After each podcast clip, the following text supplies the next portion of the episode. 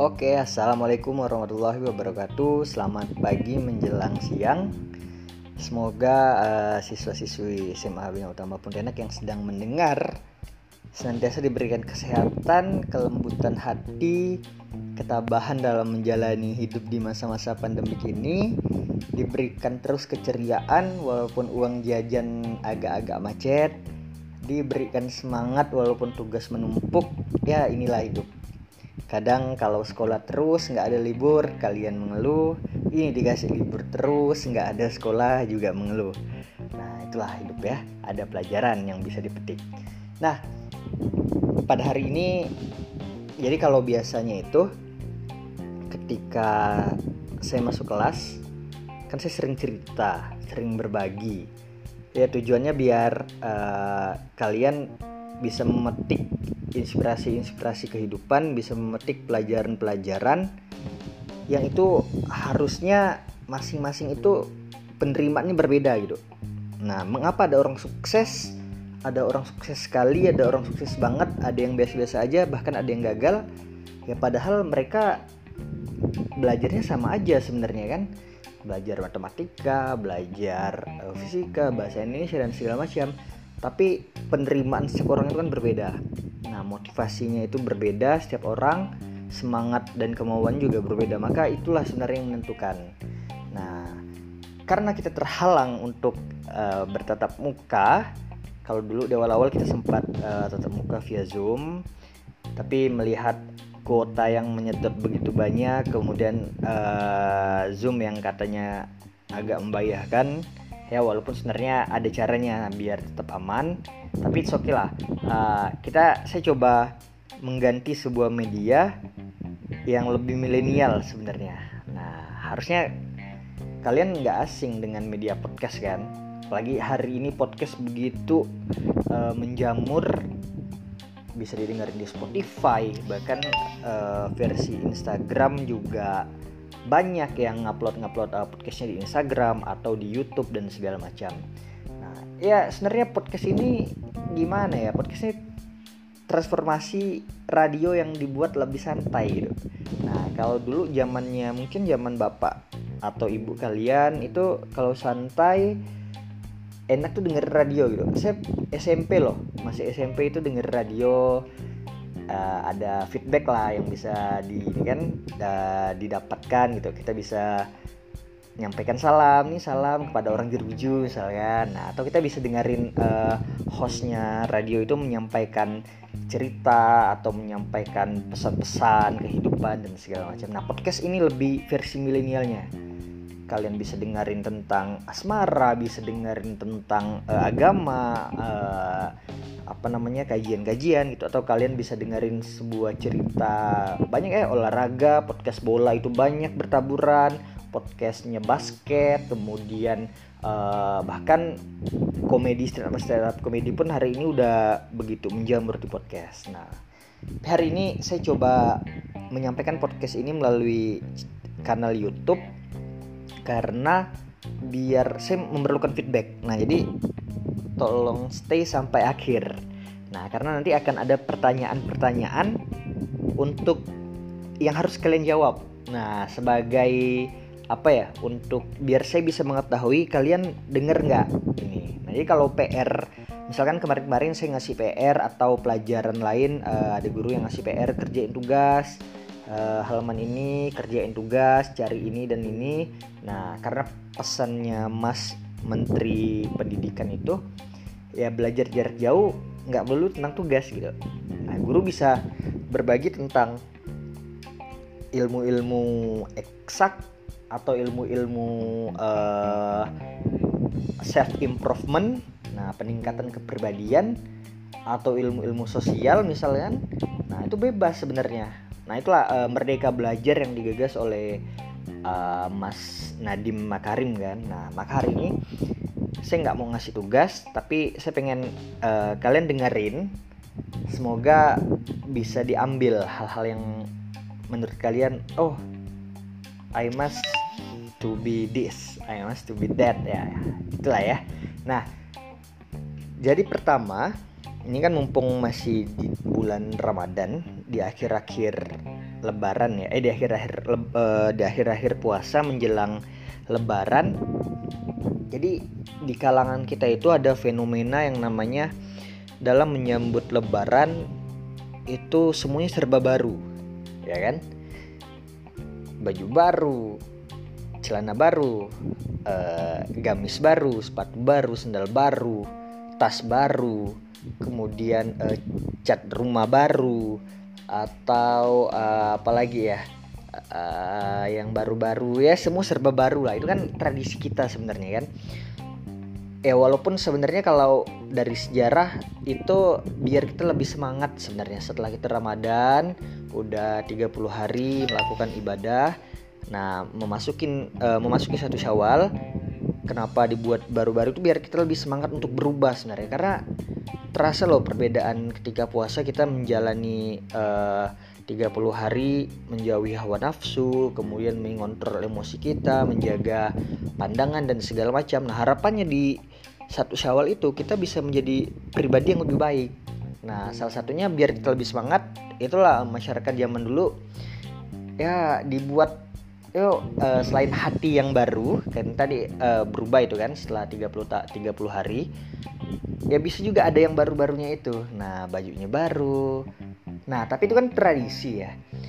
Yang mana kalau menurut saya ya ndak mesti sih lebaran semuanya serba baru. Yang yang pasti itu hatinya harus baru, semangat itu harus baru. Nah, tapi hal yang bersifat uh, material yang bersifat apa namanya dunia kayak gitu kan. Nah nggak mesti baru gitu.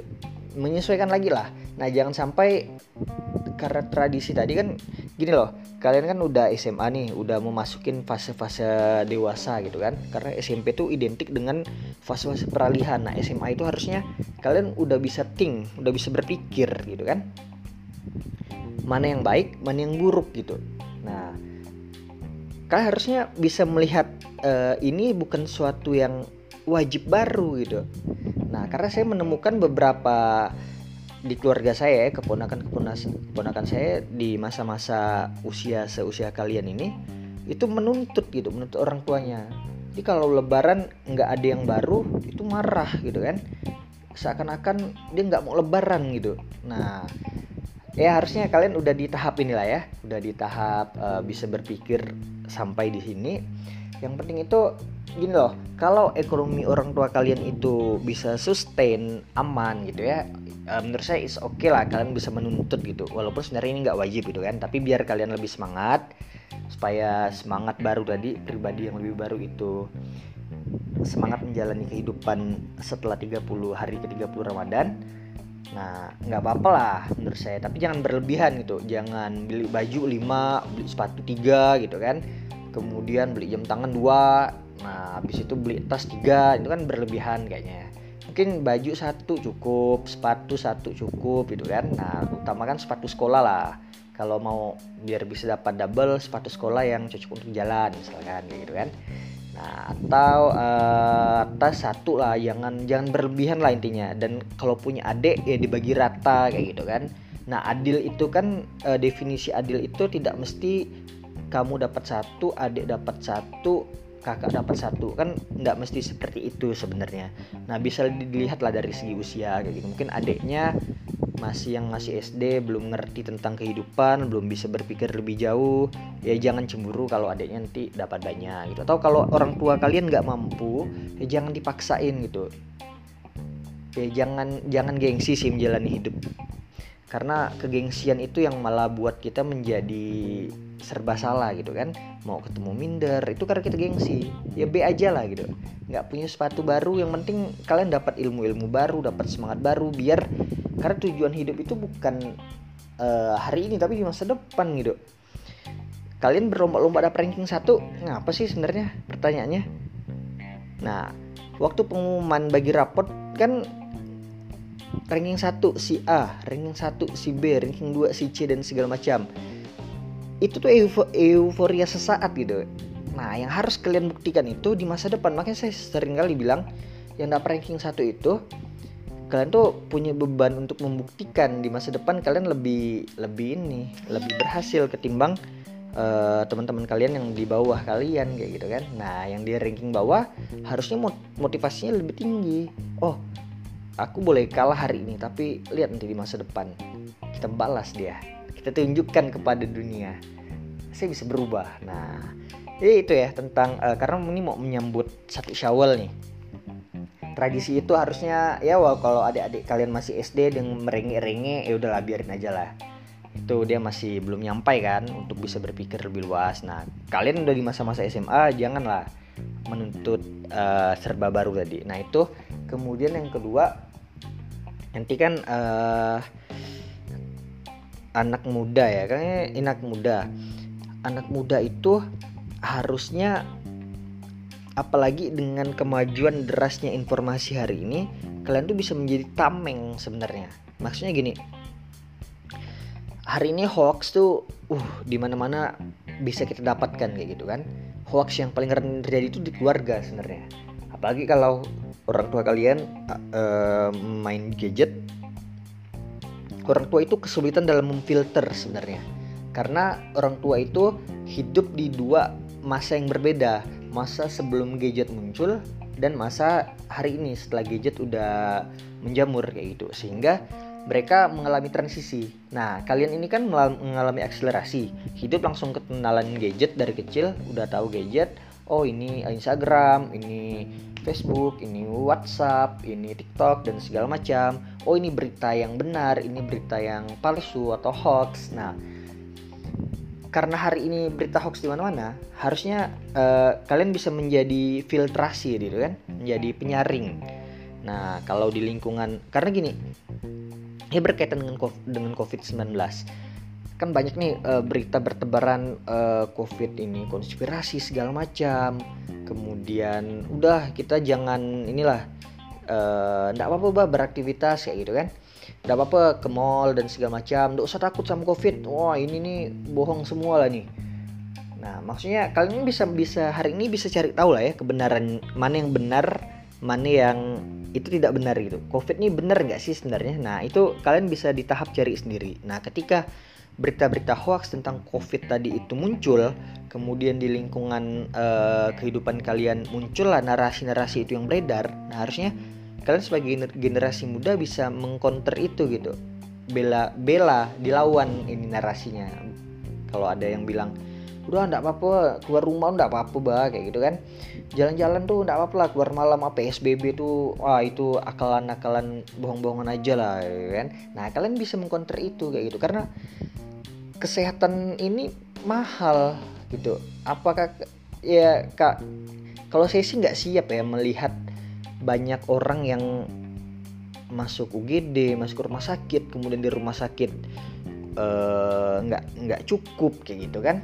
Ya kalian bisa lihat negara-negara lain yang udah apa merasakan rumah sakit kekurangan kamar kemudian tenaga medis udah banyak yang meninggal tenaga medis uh, angkat angkat apa namanya udah angkat tangan gitu kan udah mau menyerah dan segala macam nah inilah tugas generasi muda sebenarnya yang lebih apa ya lebih aware harusnya terhadap uh, perkembangan teknologi informasi.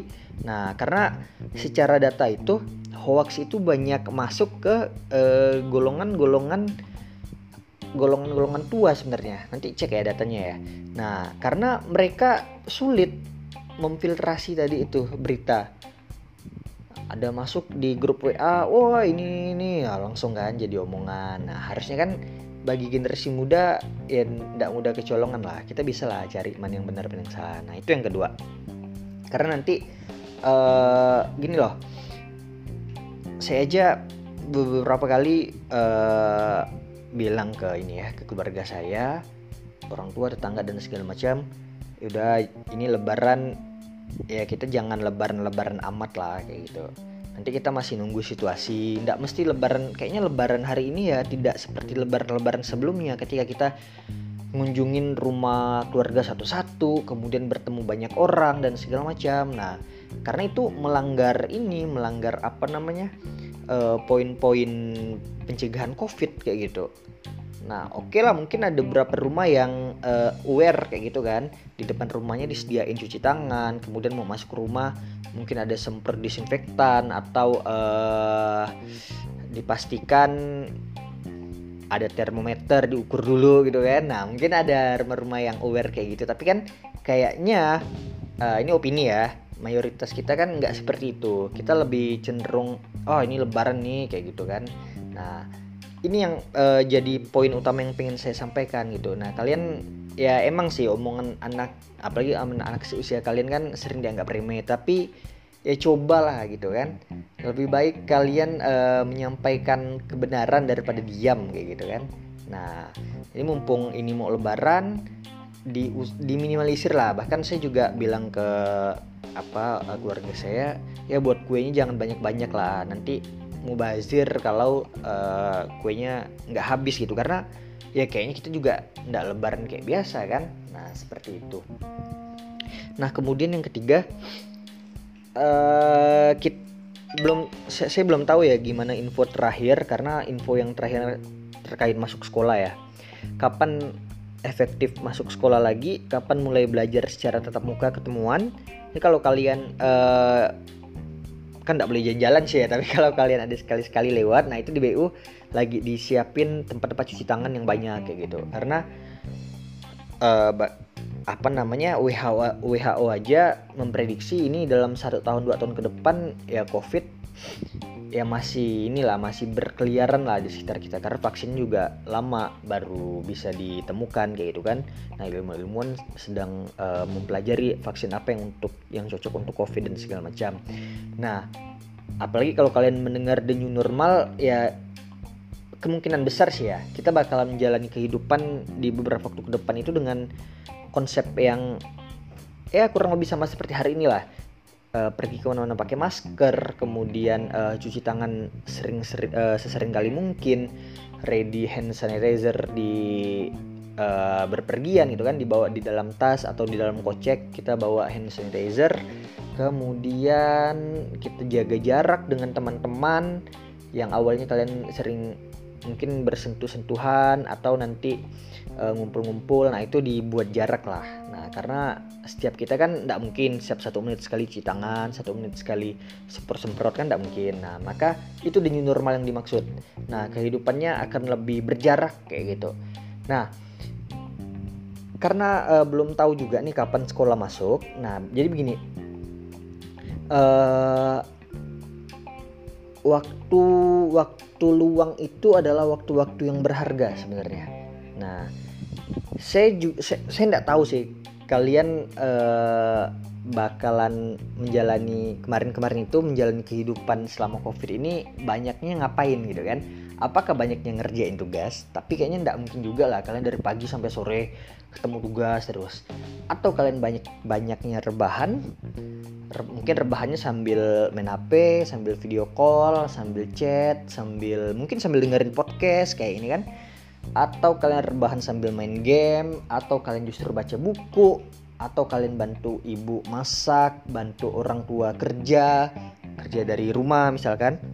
Saya nggak tahu tapi kalau saya boleh saran jadi gini uh, nanti kalian cek di Google indeks pembangunan manusia. Nah di Indonesia itu ada yang namanya IPM indeks pembangunan manusia. Nah indeks pembangunan manusia itu kurang lebih untuk mengukur uh, ini setiap daerah, setiap provinsi itu mana sih provinsi yang uh, banyak orang-orang berhasil, banyak orang-orang pintar gitu ya, banyak orang-orang terpelajar, banyak orang-orang yang uh, hidupnya itu sukses gitu. Nah itu kalbar itu uh, terakhir saya baca itu ada di sekitaran 5 atau 6 terbawah gitu. Nah dari 34 provinsi. Nah eh bener nggak ya? Nanti cek ya saya takut salah nih. Nah itu menunjukkan uh, kita ini kurang gitu. Kurang secara apa ya? Secara pembelajar. Dan saya merasakan itu. Kan saya kuliah di Untan di Pontianak kan. Nah ketika saya keluar waktu uh, menjadi mahasiswa dapat kesempatan banyak pergi ke kota-kota besar di Pulau Jawa dan Sumatera saya merasakan kultur belajar kita itu berbeda gitu. Mengapa orang-orang sukses itu banyak hadir di Pulau Jawa, di Jakarta, di Bandung, Surabaya, di Jogja, uh, kemudian di Sumatera gitu ya? Karena kultur belajarnya aja udah beda kayak gitu. Nah, apa yang paling minimal ya? Minimal itu adalah indeks minat baca buku kita gitu. Nah, jadi kita itu entah ngapa gitu ya di Pontianak ini, ambil Pontianak aja lah ibu kota gitu. Ntar kalau ngomongin daerah lain kan karena BU kan juga di Pontianak. Kita nih males banget baca. Baca buku gitu. Ya oke, baca buku pelajaran uh, mungkin kalian terpaksa lah kalau cuma ada tugas atau cuma belajar itu. Yang saya maksudkan adalah kita baca buku dalam konteks tidak hanya tentang buku pelajaran gitu, tapi buku tentang pengetahuan Nah, bisa buku tentang pengetahuan umum, misalkan uh, buku tentang pengetahuan alam. Makanya saya berapa kali nanya di kelas itu kan. Sebenarnya pertanyaan bagaimana proses hujan itu terjadi itu tidak melulu tentang pelajaran biologi gitu. Tapi ini tentang kehidupan. Ya. Masa uh, kita nggak nggak ngerti nih hujan itu tiba-tiba turun dari langit. Kan tidak seperti itu. Nah sebelum hujan itu airnya turun dari langit itu ada proses yang sangat panjang. Nah itu pengetahuan umum. Nah atau mengapa uh, matahari kalau di Indonesia itu ini sebenarnya IPS kan? Kita pas nih mau subuh uh, jam-jam setengah enam itu matahari terbit nanti jam-jam setengah enam sore matahari terbenam. Nah mengapa ada di belahan bumi lain itu yang uh, siangnya terasa lebih lama gitu. Matahari terbitnya udah agak-agak tinggi gitu kan. Udah udah jam 8 jam 9 itu baru matahari terbit. Atau malamnya lebih banyak ketimbang uh, paginya kayak gitu. Mataharinya lama bener terbitnya. Atau siangnya lebih cepat gitu. Nah itu kan tentang uh, geografis kan. Nah itu tidak melulu tentang pelajaran kayak gitu, itu pengetahuan umum. Nah sama seperti halnya misalkan uh, kita pengen tahu uh, apalagi fisika misalkan. Jadi buat uh, apa namanya? Bagaimana caranya buat tangga? Misalkan kalian pernah belajar buat tangga untuk naikkan sepeda motor ke rumah. Nah itu kan sebenarnya buat uh, tangga dalam bentuk siku-siku tuh ya. Nah itu ada bidang miring dan segala macam. Nah itu kan sebenarnya pengetahuan umum yang kalian dapatkan di fisika sebenarnya tidak belajar fisika pun kalian harusnya tahu kalau kalian belajar tentang pengetahuan umum kayak gitu kan. Nah atau tentang self improvement gimana caranya bisa ngomong di depan publik tentang public speaking? Gimana caranya biar pede ngomong di depan banyak orang? Nah mengapa pelajaran bahasa Indonesia pelajaran bahasa Inggris itu ada tugas-tugas kalian bercerita kalian speaking kan? Nah saya ingat dulu waktu sekolah bahasa Inggris atau bahasa Indonesia setiap habis libur disuruh buat tulisan. Ceritakan tentang liburan kamu ketika uh, liburan semester kemarin. Kemudian sampaikan di depan kelas. Nah itu bukan cuma guru itu bukan cuma minta kamu apa nih ceritain ke kawan tapi adalah sebuah proses di mana kamu itu harus berani tampil di depan ngomong di depan kelas yang siap didengarkan oleh banyak orang itu nggak gampang dan itu ada ilmunya kayak gitu. Kan saya sering bilang saya dulu ada orang yang nggak bisa sekali ngomong di depan kelas. Tapi setelah belajar belajar belajar dan belajar ya ngomong di depan uh, ribuan orang pun udah berhasil dilewati kayak gitu kan. Nah karena itu ada ilmu-ilmunya. Atau ketika uh, membaca buku tentang pengetahuan tuh lebih seru tentang sebenarnya kepribadian gitu. Kalian berubah menjadi pribadi yang lebih baik. Nah kan banyak nih buku-buku bagus. Nanti kalau kalian nggak punya bahan baca bukuan uh, apa bahan bacaan buku uh, di rumah saya banyak. Ada satu perpustakaan malah. Karena saya dari saya mulai suka baca itu dari kelas 3 SMA sebenarnya. Nah, sadarnya waktu udah kelas 3 habis itu nyicil-nyicil ada uang jajan dikumpulkan ada uang gramet di buku. Nah sekarang udah ada satu lemari besar. Mungkin lebih dari 100 buku kayaknya semua ada. Buku olahraga. Nih, buku-buku bola tuh kan ada bukunya Sir Alex Ferguson, ada bukunya Ibrahimovic, ada buku melihat sisi, saya ingat judulnya melihat sisi kehidupan dari kacamata sepak bola. Kemudian ada buku-buku tentang agama, eh, agama Islam lah ya, eh, tentang kajian fikih, kemudian tentang eh, adab dan segala macam, akidah dan segala macam, atau buku-buku tentang sejarah perang Konstantinopel, kemudian sejarah api sejarahnya Indonesia sebelum kemerdekaan dan segala macam. Kemudian buku tentang kepribadian bagaimana caranya mengelola waktu karena kita 24 jam tuh supaya waktu itu terbagi dengan baik itu ada bukunya Breaking the Time kalau nggak salah kemudian ada bukunya uh, apalagi yang saya sering baca ya kisah-kisah orang sukses. Saya pernah baca buku 9 eh 100 orang terhebat atau tersukses terhebat di dunia kayak gitu kan. Nah kemudian uh, banyaklah buku-buku tentang semua genre kayaknya saya punya. Komik juga.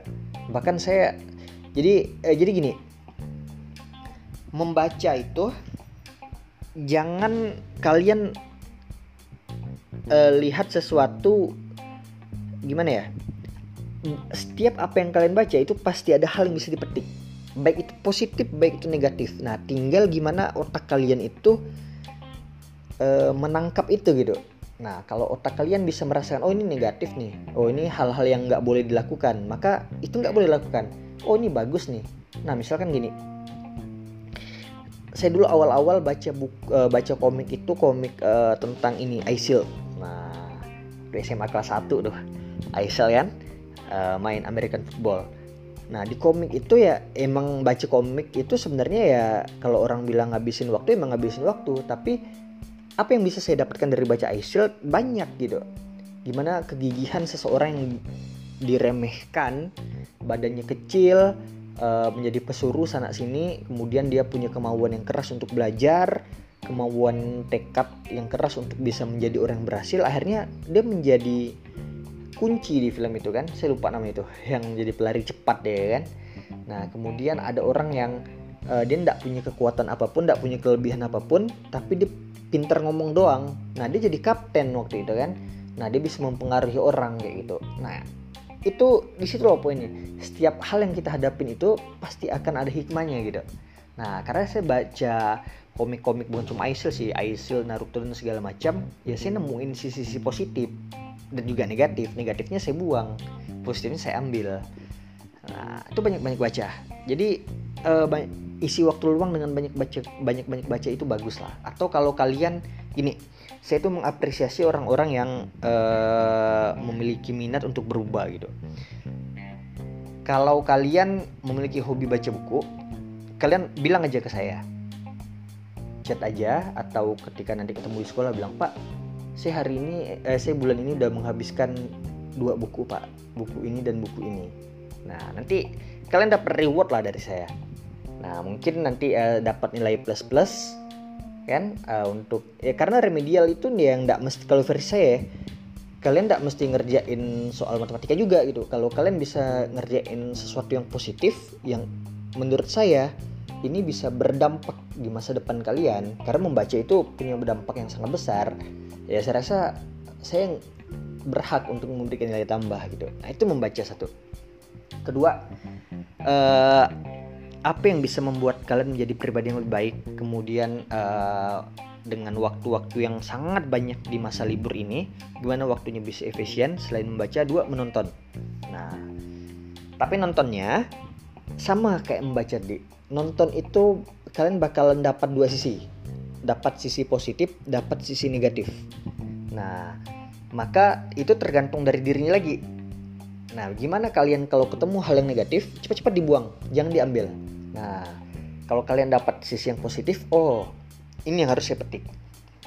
Nah itu jadi kuncinya.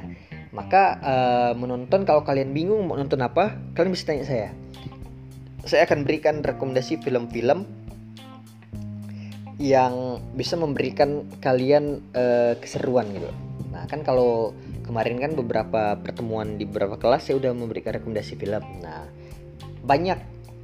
Bahkan nanti kita chat aja ya. Kalian mau uh, kalian mau film apa? Terakhir ada junior saya di kampus ada adik tingkat saya di kampus dia nanya ke saya bang karena di kampus pakai bank kan? Nah uh, bang Randa katanya film tentang kepemimpinan apa yang bagus? Nah kemudian uh, kan saya udah kenal sama dia. Dia ini suka olahraga suka main basket. Kemudian saya bilang nonton film The Last Dance filmnya Michael Jordan ada di Netflix. Nah nanti kamu bakalan dapat sesuatu tentang betapa uh, kepemimpinan itu seperti ini dari seorang Michael Jordan.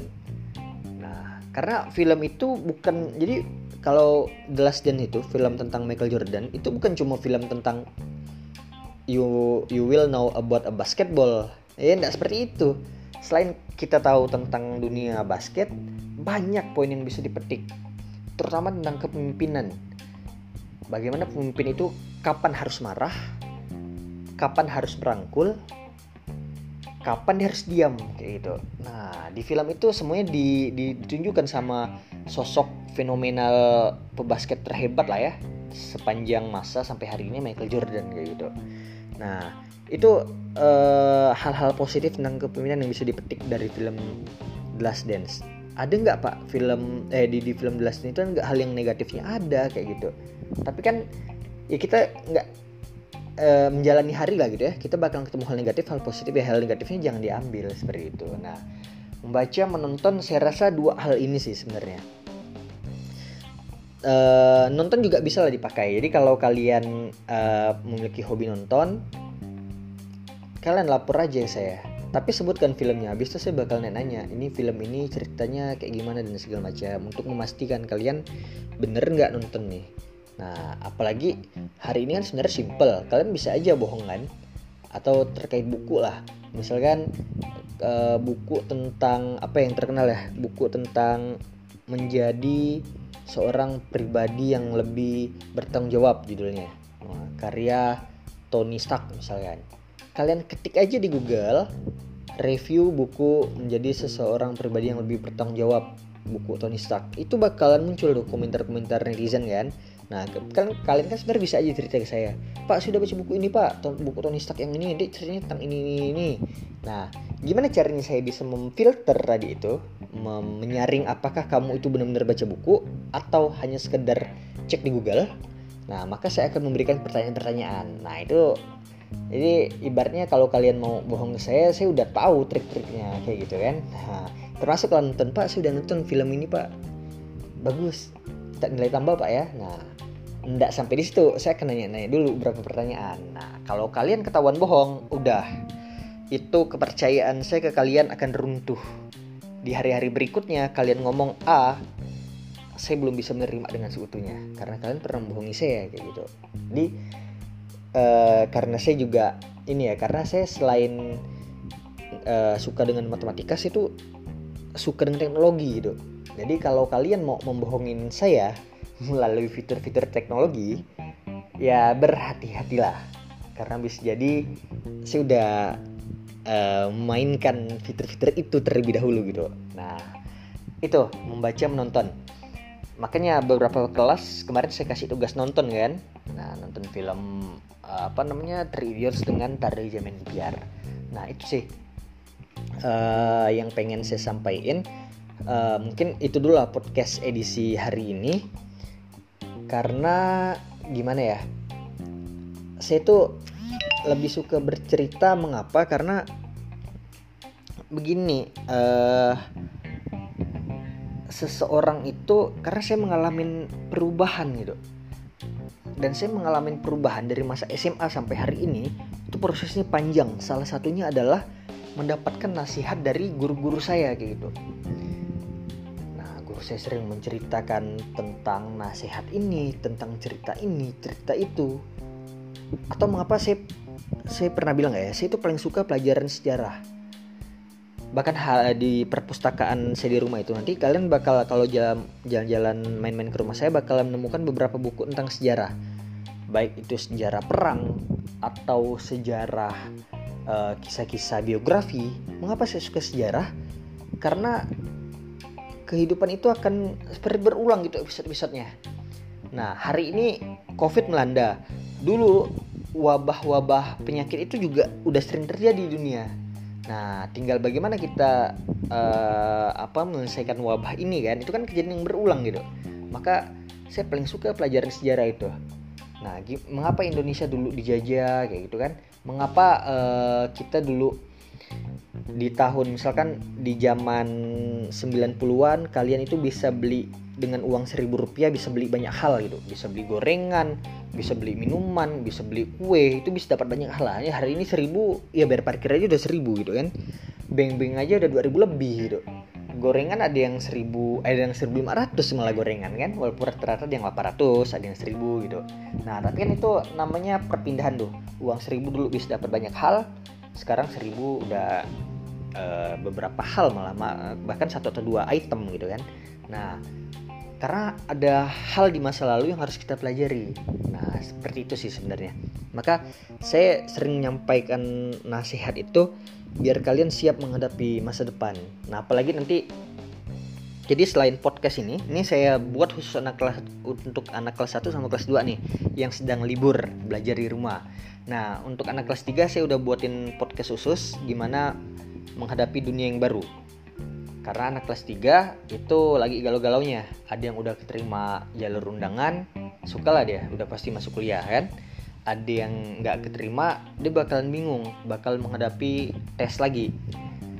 Tes uh, mas tes jalur tertulis masuk kampus kan? Iya kalau lolos kalau nggak lolos buat mas Aidu itu kan pertanyaannya kan?